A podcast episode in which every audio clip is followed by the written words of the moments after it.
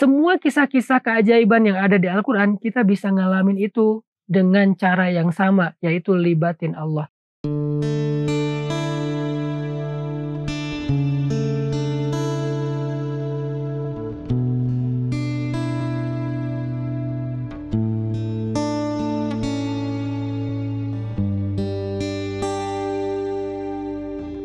Hari ini saya akan bahas tiga cara yang paling sederhana melibatkan Allah dalam urusan kita secara general. Cara yang pertama adalah mention Allah di awal. Sebut Allah di awal. Jangan lupa ngetek Allah di sejak pertama kali kita melakukan satu kebaikan. Misalnya Nabi Musa. Sebelum Nabi Musa berdakwah kepada Fir'aun, Sebelum Nabi Musa datang kembali ke Mesir dari Yordania atau Madian, hal pertama yang dilakukan Nabi Musa itu adalah meminta petunjuk Allah. Nge-mention Allah dengan kalimat Rabbi syrahli sadri wa yassirli amri wahlul 'uqdatam min lisani yafqahu qawli waj'al li waziran min ahli Haruna akhi ushdud bihi azri wa ashrikhu fi amri kay nusabbihaka katsira wa nadhkuraka katsira. Rabbi, lapangkan dadaku Mudahkan urusanku, tuntun ucapanku agar dia mengerti apa yang aku katakan. Dan beri aku seorang pendamping, seorang teman dalam dakwah ini, dalam perjuangan ini. Harun, saudaraku, jadikan dia sebagai penguat pendukungku, agar kami bisa bertasbih kepadamu sebanyak-banyaknya, agar kami bisa bersyukur kepadamu sebanyak-banyaknya. Nah ini adalah cara pertama melibatkan Allah dalam urusan kita, yaitu dengan berdoa, nge-mention Allah, nge-tag Allah, uh, menyebut nama Allah, Bismillah, Insya Allah, kemudian doa-doa safar, doa-doa sehari-hari, bahkan doa-doa yang sifatnya lebih spesifik. Libatkan Allah dengan doa, libatkan Allah dengan menyebut nama Allah, libatkan Allah dengan nge-mention Allah. Dan lebih baik lagi kita menyebut nama Allah itu dengan nama-namanya yang mulia. Walillahil asma'il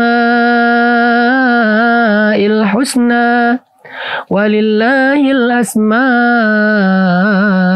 husna fad'uhu biha. Allah punya banyak nama-nama yang mulia, maka panggillah Allah dengan nama-nama yang mulia itu. Jadi, libatkan Allah dengan cara menyebut nama-nama Allah dengan cara berdoa kepada Allah ketika kita awal mengerjakan sesuatu. Ketika kita punya masalah dengan seseorang, langsung libatkan Allah dengan berdoa, dengan uh, menyebut nama Allah, dengan memanggil nama-nama mulia Allah di antara Asmaullahil Husna.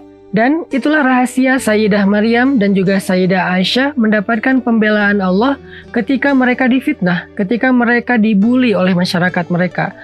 Apa yang dikatakan Sayyidah Maryam dan Sayyidah Aisyah ketika awal mendapatkan berita kalau mereka itu sedang difitnah, dibully, kalau sekarang mungkin di sosial media, hal pertama yang diucapkan Sayyidah Aisyah dan Sayyidah Maryam adalah Ashku bathi wa huzni ilallah wallahul musta'an ala ma yasifun.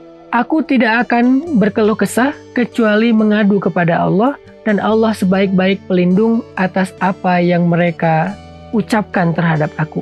Nah, ketika Sayyidah Aisyah dan Sayyidah Maryam melibatkan Allah dengan lisan, dengan ucapan-ucapan doa, menyebut nama Allah, memanggil Allah, itu Allah langsung terlibat.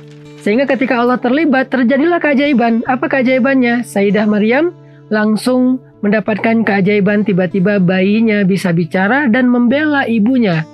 Gak ada satupun yang bisa menolak berita dari bayi tersebut. Akhirnya bersihlah nama Sayyidah Maryam. Sedangkan Sayyidah Aisyah mendapatkan keajaiban tiba-tiba turun ayat di surat An-Nur khusus dari Allah untuk membela Sayyidah Aisyah. Jadi kalau kita pengen dapetin keajaiban jalan keluar dalam masalah kita, ya sebut nama Allah. Itu juga yang dilakukan Nabi Musa kan? Ketika Nabi Musa mentok dengan laut, di belakangnya ada pasukan Firaun, pengikutnya mulai berkeluh kesah, maka Nabi Musa mengatakan, "Kalla inna ma'iyya rabbi sayahdin." Pasti Allah bersamaku dan dia akan memberiku jalan keluar. Allah disebut, Allah dipanggil, Allah dilibatkan. Itu juga yang dikatakan Nabiullah Ibrahim. Ketika dalam bara api malaikat Jibril menawarkan pertolongan kata Nabiullah Ibrahim amma ilaika fala. Kepada engkau Jibril aku nggak butuh apa-apa. Lalu Ibrahim mengatakan hasbi Allah wa ni'mal wakil. Cukup bagiku Allah sebaik-baik penolong dan penjaga. Akhirnya ketika Nabi Ibrahim nge-mention Allah Allah terlibat Ketika Allah terlibat terjadi keajaiban, Nabi Musa Allah belah lautan sehingga bisa menyeberang seperti jalan tol sampai ke tujuan. Nabi Ibrahim, Allah jadikan api itu bukan padam, tetapi sejuk dan nyaman buat Ibrahim. Semua kita pasti akan mendapatkan hal yang sama, itu pasti, absolut. Apa yang Allah kisahkan di dalam Al-Quran, maka sesuatu yang bisa ditiru. Nggak ada satupun kisah-kisah Al-Quran yang sifatnya nggak mungkin ditiru. Mungkin teman-teman ada yang bilang, ah itu mah cuma terjadi kepada para nabi. Kita kan bukan nabi. Teman-teman, kalau kita berpikir demikian, kita sama aja mengatakan Al-Quran itu asatirul awalin, dongeng-dongeng yang tidak ada artinya. Sebuah mitos yang tidak bisa dijalankan, sesuatu yang sia-sia.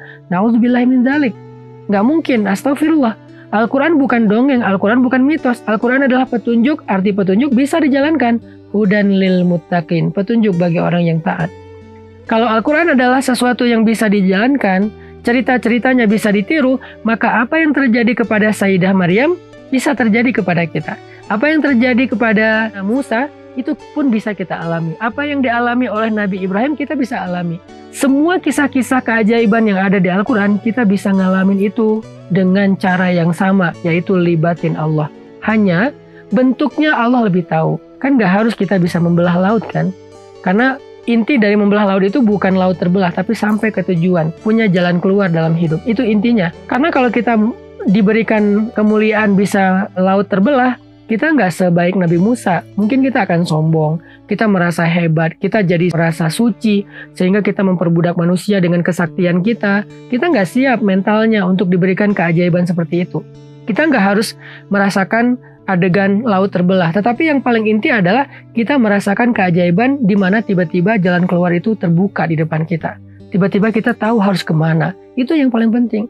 Kita nggak harus mengalami adegan api itu menjadi sejuk. Nggak harus. Karena kalau kita masuk ke api terus kita nggak kebakar, bisa jadi kita akan mengundang kemusyrikan di antara manusia karena merasa mengkultuskan diri sebagai orang suci, orang hebat, sombong.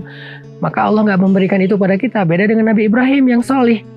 Maka yang paling inti dari api itu sejuk adalah kita terhindar dari berbagai macam kejahatan, keburukan, malapetaka, walaupun kita ada di tengah-tengah ancaman tersebut karena Allah membela kita. Gitu juga yang dialami oleh Sayyidah Maryam. Gak harus bayi kita bisa ngomong, tetapi tiba-tiba Allah bisa menjadikan banyak orang membela kita. Bukan hanya bayi yang bisa ngomong, tiba-tiba ada teman membelain kita, netizen bela kita, orang soleh bela kita, orang yang bahkan kita nggak kenal tiba-tiba belain kita. Semua itu mudah bagi Allah sebagaimana juga mudah bagi Allah untuk menunjukkannya kepada Sayyidah Maryam dan lain-lainnya. Jadi, cara pertama untuk libatin Allah, mention Allah, sebut nama Allah, panggil Allah, hafal asmaul husna, fahami maknanya, lalu panggil nama-nama itu sesuai dengan masalah kita. Insya Allah, tips berikutnya akan kita share pada episode yang lain dalam uh, program Libatin Allah. Yuk kita libatin Allah dalam hidup kita biar semuanya menjadi mudah dan gak ada kesulitan setelah Allah terlibat dalam masalah kita.